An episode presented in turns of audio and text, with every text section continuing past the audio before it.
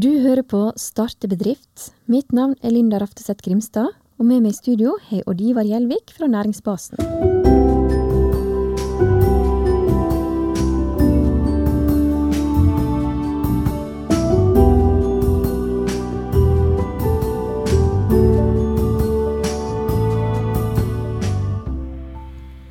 Seriegründeren fra Sula starta sin karriere som DJ i heimbygda. Nå er han gründer og daglig leder i Konta. Veien til topps har ikke vært noen dans på roser, og trebarnsfaren fra Sunnmøre har lagt mange selskap bak seg, og han har også vært gjennom to konkurser. Nå er Norges smarteste faktura- og regnskapsprogram verdt flere hundre millioner kroner, og er godt over 60 000 betalende abonnenter. Dagens gjest i Startet bedrift er selvsagt Jan Tore Holen. Si meg, Jan Tore, har du alltid vært god på system og tall? Ja, jeg har vel kanskje siden jeg var relativt ung, så jeg har sett verden litt i tall. Jeg har tenkt mye tall, så sammenhenger i tall og sånn, men jeg er på en måte ingen supertalent. Jeg klarte jo til og med å stryke i matte på videregående, selv om jeg fikk toppkarakterer på høgskole, da, så jeg tok jo meg litt inn igjen der. Det handler vel litt om motivasjon i, i enkelte perioder av livet som kanskje ikke har vært like høy. Um, men ja, uh, relativt god på tall og system og sånn, men, men, jeg har på en måte Jeg tror ikke jeg utmerker meg spesielt, og det er ingenting jeg er supertalent på eller noe sånt. Så jeg er ganske vanlig, det, tenker jeg. Mm. Men du har jo også gründa mange selskap. Eh, business, da, er det noe som er interessert i fra tidlig alder? Jeg, ja, kanskje når jeg tenker tilbake nå, så tenker jeg at jeg var tidlig ute der. Um, jeg tror ingen av de rundt meg så det så veldig godt. Um, jeg tror kanskje mor mi tenkte at noe med tall eller økonomi eller sånne ting kom til å passe meg fint. Um, men jeg tror litt Spør man f.eks. lærerne jeg har hatt gjennom, opp gjennom åra, så tror jeg det er ingen som hadde nevnt at de trodde jeg kom til å bli gründer. Uh, jeg tror jeg er veldig utypisk sånn sett. Stille og forsiktig kar, selv om det kanskje ikke kan virke sånn eh, akkurat nå. Um, men jeg begynte tidlig å jobbe, aldri vært redd for å jobbe og ta i et tak. Og jeg hadde vel et sånt brennende ønske i meg og en eller annen form for skapertrang, selv om den kanskje ikke kom ut før jeg ble litt, litt eldre. Mm. Så du har alltid egentlig tenkt at du skulle starte noe for deg sjøl, da? Ja, eh, så lenge jeg kan huske, så har jeg tenkt, uh, tenkt, det. Og det er helt fra jeg var veldig ung, så eh, Det var jo en episode der vi gikk på den lokale butikken i Langevåg. Kjøpte inn godteri, reiste til et annet nabolag og prøvde å få ungene til å tømme sparegrisen for å, for å handle med oss. Så det var egentlig mange prosjekt ganske tidlig der. Jeg skjønner. Uh, OK, så du starta med, med godteri. Kan ikke du fortelle litt om den uh, reisa du var på? Uh. Som gründer, ja. Um, ja, det, det, er veldig mange ting man kan fortelle der. Det er veldig mange prosjekter jeg har vært borti og sånn. Um, da jeg begynte litt mer seriøst med business, så var jo det som DJ. Um, det var full fest i lokalet i, i Langevåg. Um, vi arrangerte um, konserter med bl.a. Kurt Nilsen og Postgirobygget. Kjøpte utstyr, leide ut uh, og drev butikk på den måten. Var det god butikk? Nei, eh, det var det ikke. Eh, det var veldig gøy. Eh, og alle pengene vi fikk inn, de reinvesterte vi. Vi kjøpte mer utstyr, større fester, større arrangement, så det var kjempegøy. Tenkte vi måtte dra til litt mer og starte litt mer skikkelig business i hermetegn etter hvert. Så det balla på seg. Jeg var innom en fiskebil, kjøpte en varebil, fylte med frysere hadde enda ikke skjønt det at det var 12 volt i en, uh, i en varebil, og uh, vanlige frysere hadde 220 volt, så det var mange startproblem der. Når du heller ikke liker fisk, så, så er, du blir ikke en spesielt god selger heller, da. Hvis du skal gå dør til dør og selge fisk, så, så er det litt sånn at du, du, ringer på, og så når de åpner døra, sier ja, du liker vel ikke fiske du heller, du får en fin dag, ha det bra. Så det var, det var dårlig prosjekt um, sånn sett. Men uh, det ga likevel merskap, eller mersmak. Um, og Um, etter det starta jeg bilstereobutikk. Sånn lydinteresse har jo vært med meg uh, veldig lenge. Jeg begynte å importere, hadde enerett på noen merke, bilstereomerker i Norge. Um, drev da butikk på Blindheim. Uh, starta en nettbutikk um, også, solgte elektronikk. Uh, begge de endte egentlig med et brak, med to konkurser. Uh, det var Men nettbutikk, hva tid dette var? Eh, det var vel i 2002 til 2004, ca. Så det var ganske tidlig ute. Um, og det ble egentlig en kjempesuksess med en gang. Eh, vi solgte bra, og det gikk egentlig over all forventning. Så det så veldig lovende ut, men det endte med kjempebrak likevel. Og det henger sammen med manglende planlegging. Man er kanskje litt naiv, eh, og man hopper kanskje litt før man tenker seg om, og sørger for å Ja. Hadde ikke nok rådgivere og folk som kunne guide oss på, på veien framover. Mm. Hvor gammel du var da? Um, jeg var rundt 20 år. Ja. 20 til 23 var vel den perioden der med de konkursene. Og det var egentlig beintungt. Det var på en måte bunnpunktet i min karriere, vil jeg si. Um, ja, det, det, var tungt. Jeg sleit litt med det i periode, og ja, det, går jo litt utover sjøltilliten og sånn.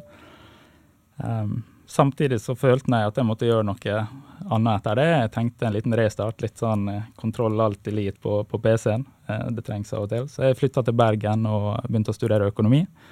Jeg fikk jo kritikk fra bobestyrer i konkursene pga. mangelfull regnskapsføring, bl.a. Men jeg tenkte vel regnskapsfører, det, det, er vel topp stemning.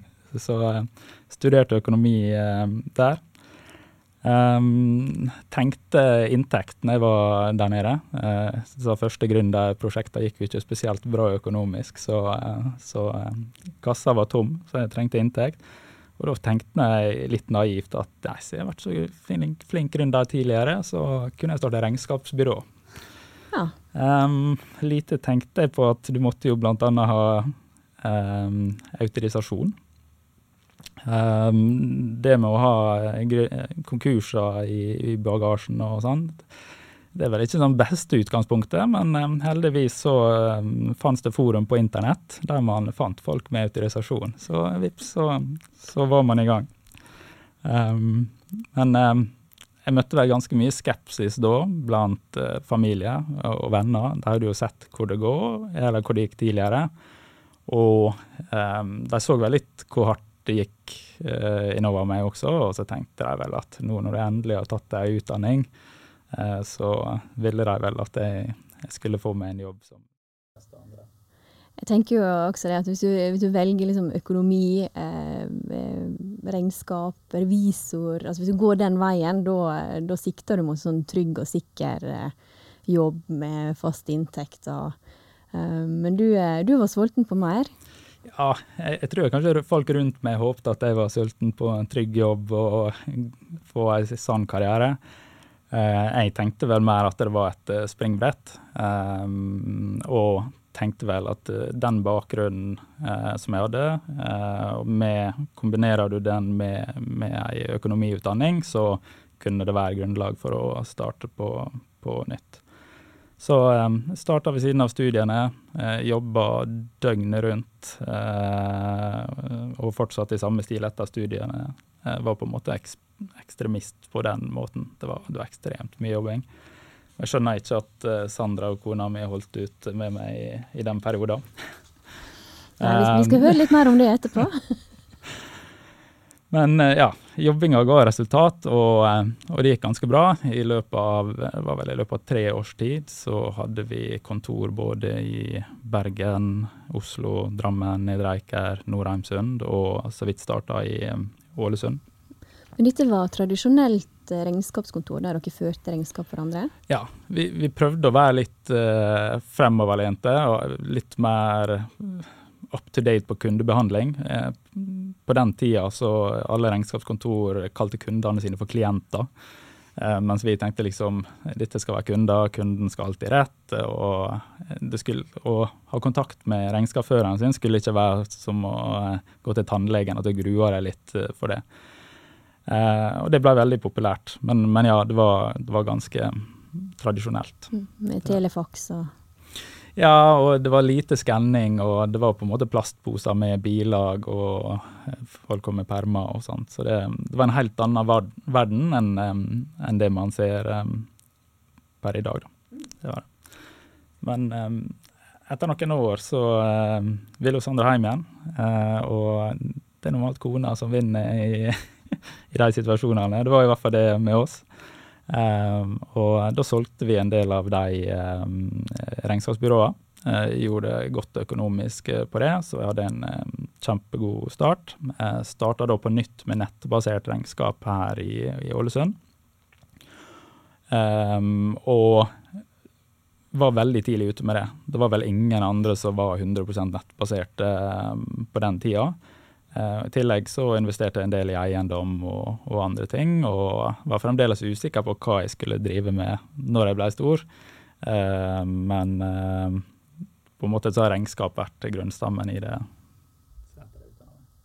Ja, ok. Men du starta et nettbasert regnskapsfirma. Altså, hvem var kundene dine da? Altså, var det fremdeles disse med plastposene, eller? Ja, det, det var faktisk det. Vi, vi trodde jo folk var klar til å bli nettbaserte. Eh, og at vi skulle få ting elektronisk osv. Men det det endte med, var jo at folk sendte oss folk, eller eh, bilagene sine i plastposer. Eh, og så skanna vi dem inn og la dem ut på nett. Så, så vi, vi, gikk på en måte baklengs inn i, inn i framtida, men, men, folk hadde betalingsvilje for det.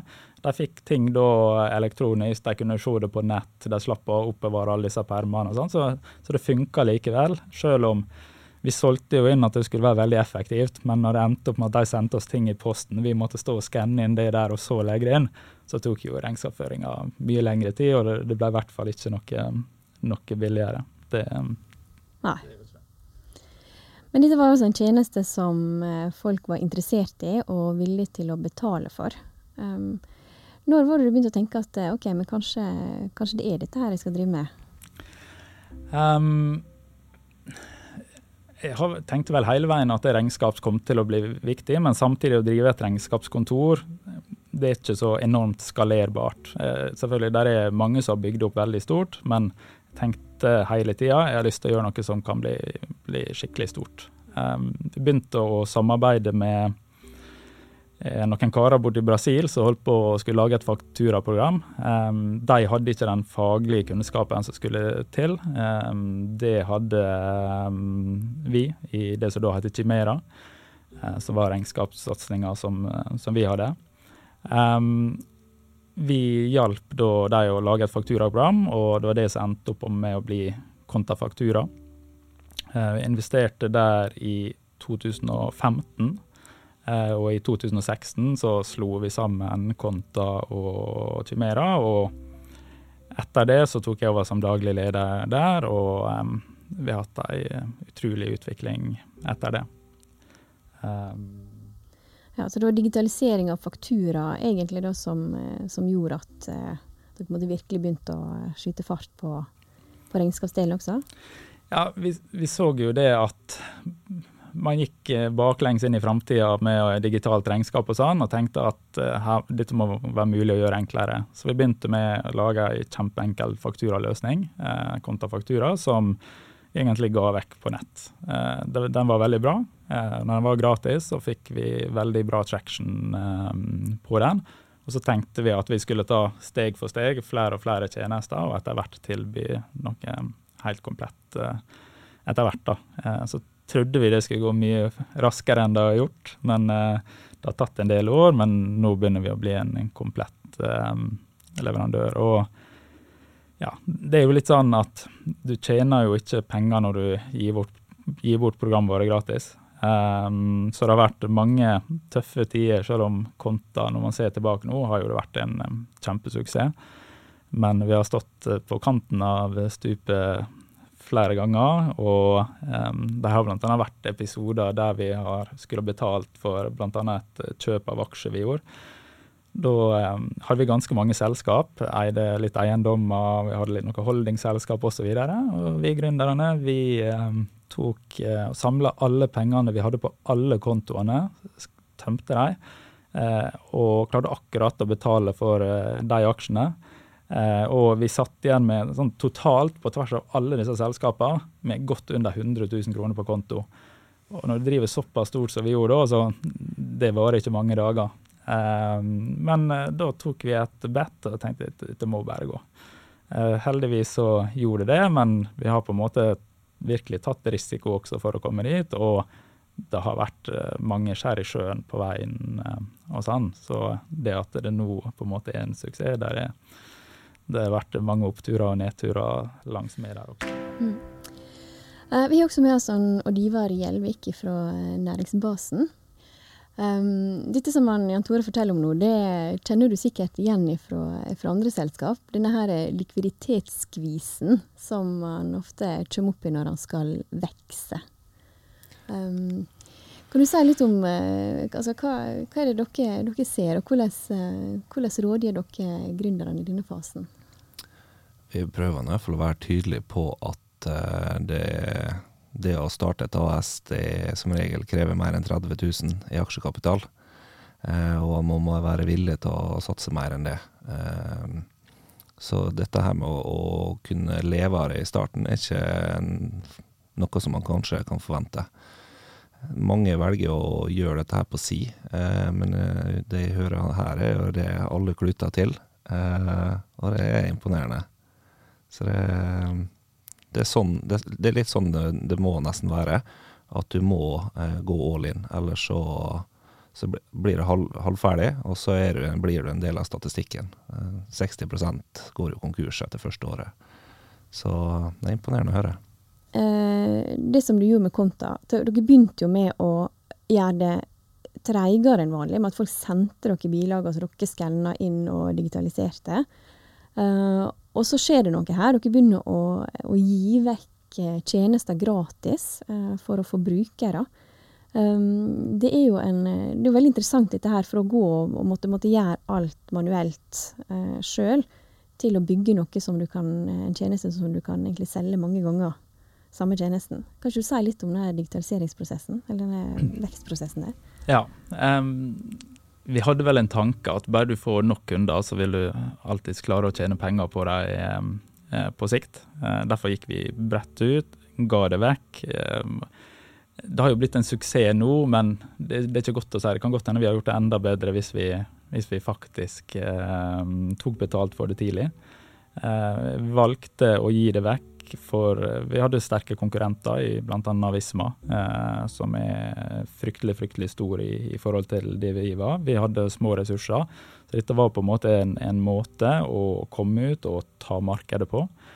Um, og så begynte vi etter hvert å bit for bit uh, innføre betalingstjenester. Vi kom med regnskapsprogram, lønnssystem, bankintegrasjon, årsoppgjørssystem osv. Uh, og da har vi snudd den modellen fra å være en typisk freemium med, med gratis versjon, til at det etter hvert så er det, er det betalingstjenester. Og ja, fra 2016, når jeg tok over som daglig leder fram til nå, så har abonnementsinntektene gått fra rundt 5 millioner til langt over 100 millioner nå. Wow. Så det har vært ei formidabel eh, utvikling der. Når var det egentlig Konta begynte å tjene penger. Altså, hvor lenge gikk dere, gikk dere uten, og når snudde det? Det gikk egentlig ganske mange år. Eh, for vi begynte jo å gradvis tjene mer penger fra, fra 2015 til, eh, til, fram til nå, egentlig. Eller tjene penger er vel feil, feil ord. Eh, vi økte inntektene. Eh, samtidig så økte jo vi kostnadene kraftig i perioder for å skape framtidig vekst. Men det var først i 2022 det vi fikk gjennombruddet. Eh, F.eks. I, Konta. Eh, nå har vi mange selskap i konsernet vårt, men, men selve Konta-selskapet eh, gikk fra rundt 1 million i underskudd i 2021 til over 10 millioner i overskudd i, eh, i 2022. Og ja, 20-30 millioner i hvert fall i overskudd i år, regner vi med. Og så har vi en del andre selskap som taper penger fordi vi satser friskt, utvikler nye tjenester og har flere startups som vi er involvert i, og prøver å få til litt sånn intern knoppskyting, da. Ja, for dere gir ikke med dette her? Nei, overhodet ikke. Eh, vi har utrolig mange flinke folk som, eh, som eh, jobber hos oss, som også er med på eiersida, som virkelig brenner for, for, det vi gjør, med å prøve å, å forenkle det med å være eh, gründer. Eh, og vi ser at vi kan utnytte de ressursene ved å også skape, skape nye muligheter og nye arbeidsplasser framover i tid. Mm. Du er jo, du framstår som en sånn, virkelig sånn kremmer. Eh, er dette et viktig personlighetstrekk hvis du skal være gründer? Jeg tror kanskje hvis du skal bli sånn seriegründer som jeg er, så er det kanskje en, en, kjempefordel. Men i utgangspunktet så vil jeg nok svare nei på det spørsmålet. Um, jeg tror ikke det med å nødvendigvis være en kremmertype er viktig. Jeg tror også de enkelte tilfeller kan være faktisk litt negativt. Um, nå har jo på en måte jeg lykkes med mye, men samtidig så har jo jeg satsa på mange hester, og kanskje litt for mange, i stedet for å kanskje holdt fokus.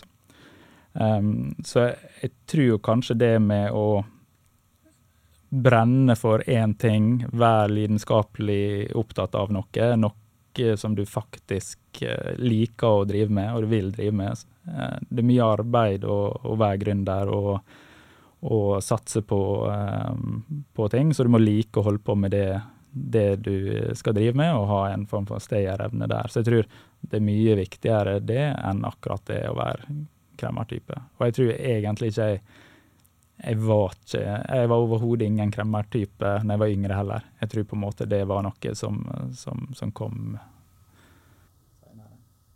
Kom med erfaring, kanskje. Ja.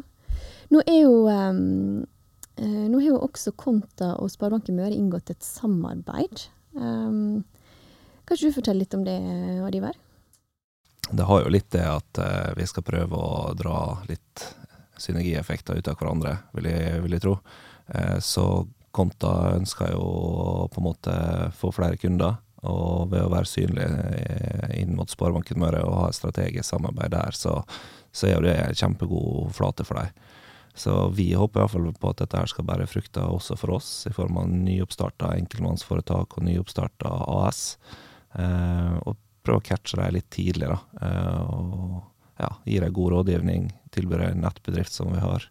Så har vi gode landingssider for å starte, starte eh, bedrift på hjemmesida vår, men det har jo også konta. Eh, veldig god veiledning der, eh, så jeg tror dette her blir dynamitt. Det er iallfall det vi håper på. Ja, for det er jo noe med at eh, altså Her er jo noen faktorer for å lykkes som gründer. Du har jo allerede snakka om dette her at eh, altså du må ha en lidenskap for det du driver med. Eh, du nevnte jo eh, fiske, fiskesalg tidligere, som du kanskje ikke brant like mye for som, eh, som det du holder på med nå. Um, men er det Altså dette her med å ha Altså hvis du er lidenskapelig opptatt av noe, så er ikke det Nå var jo det økonomi og regnskap for din del nå, da. Med andre gründere så er kanskje ikke det det som er fremst i panna. Men eh, kan du si noe om, eh, altså, hvis du skal lykkes, altså, hvor viktig er det å ha kontroll på disse tingene? Og er det hjelp å få? Ja. Eh, jeg tror litt sånn som jeg nevnte i stad, at det med å brenne en engasjement er det aller viktigste. Men det er jo litt basert bl.a. på mine egne erfaringer.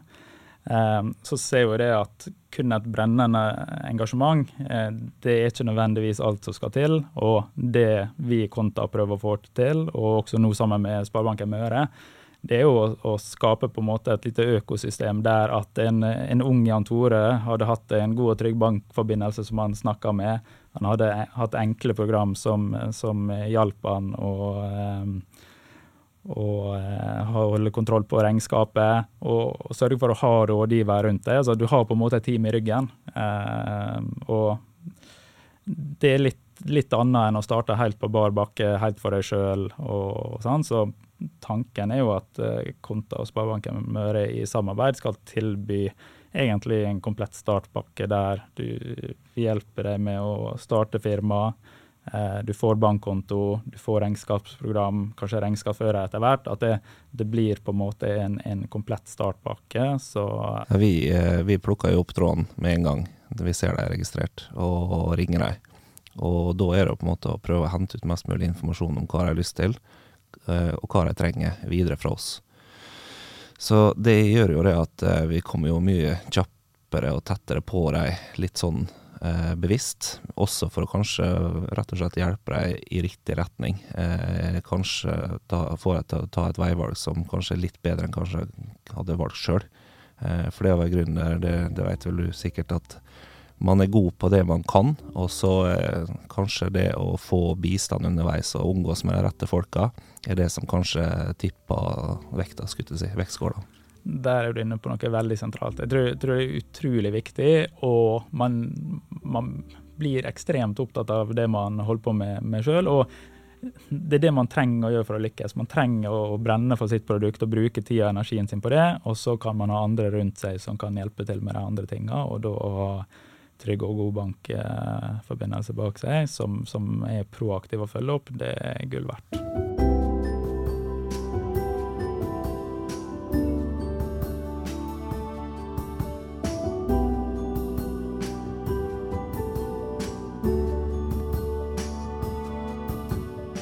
Men nå har vi snakka mye om selskapene dine, all tida du har brukt på å være gründer.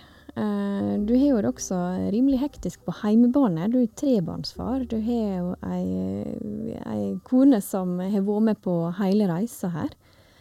Vi tenkte rett og slett at vi skulle ta en liten prat med henne og høre hvordan uh, hun har opplevd dette. Ja. Hei, Sandra. Dette er Linda fra podkasten Starte bedrift. Hei. Hei. Vi sitter i studio med Jan Tore Holen nå. Ja. Uh, og han har fortalt oss om uh, denne gründerreisa si. Mm -hmm. um, men vi vet jo at uh, det krever jo mer Altså, det er jo ganske krevende. Han har jo fortalt at han har brukt veldig mye tid på dette her. samtidig så har jo han familie, og du har jo vært egentlig grunnmuren hans siden dere var veldig unge, og gjennom hele denne reisa her. Um, så vi lurte egentlig bare på om du kunne fortelle litt om hvordan, uh, hvordan det har vært, og hva din rolle har vært i, i denne suksessen her? Ja. Uh, ja, det har jo egentlig vært sånn hele tida, da. Fra vi var um, ungdommer. så vi veit vel egentlig ikke om uh, noe annet. Uh, så det er hektisk. Og um, jeg må ofte organisere en del på hjemmebane. Eh, og tilrettelegge.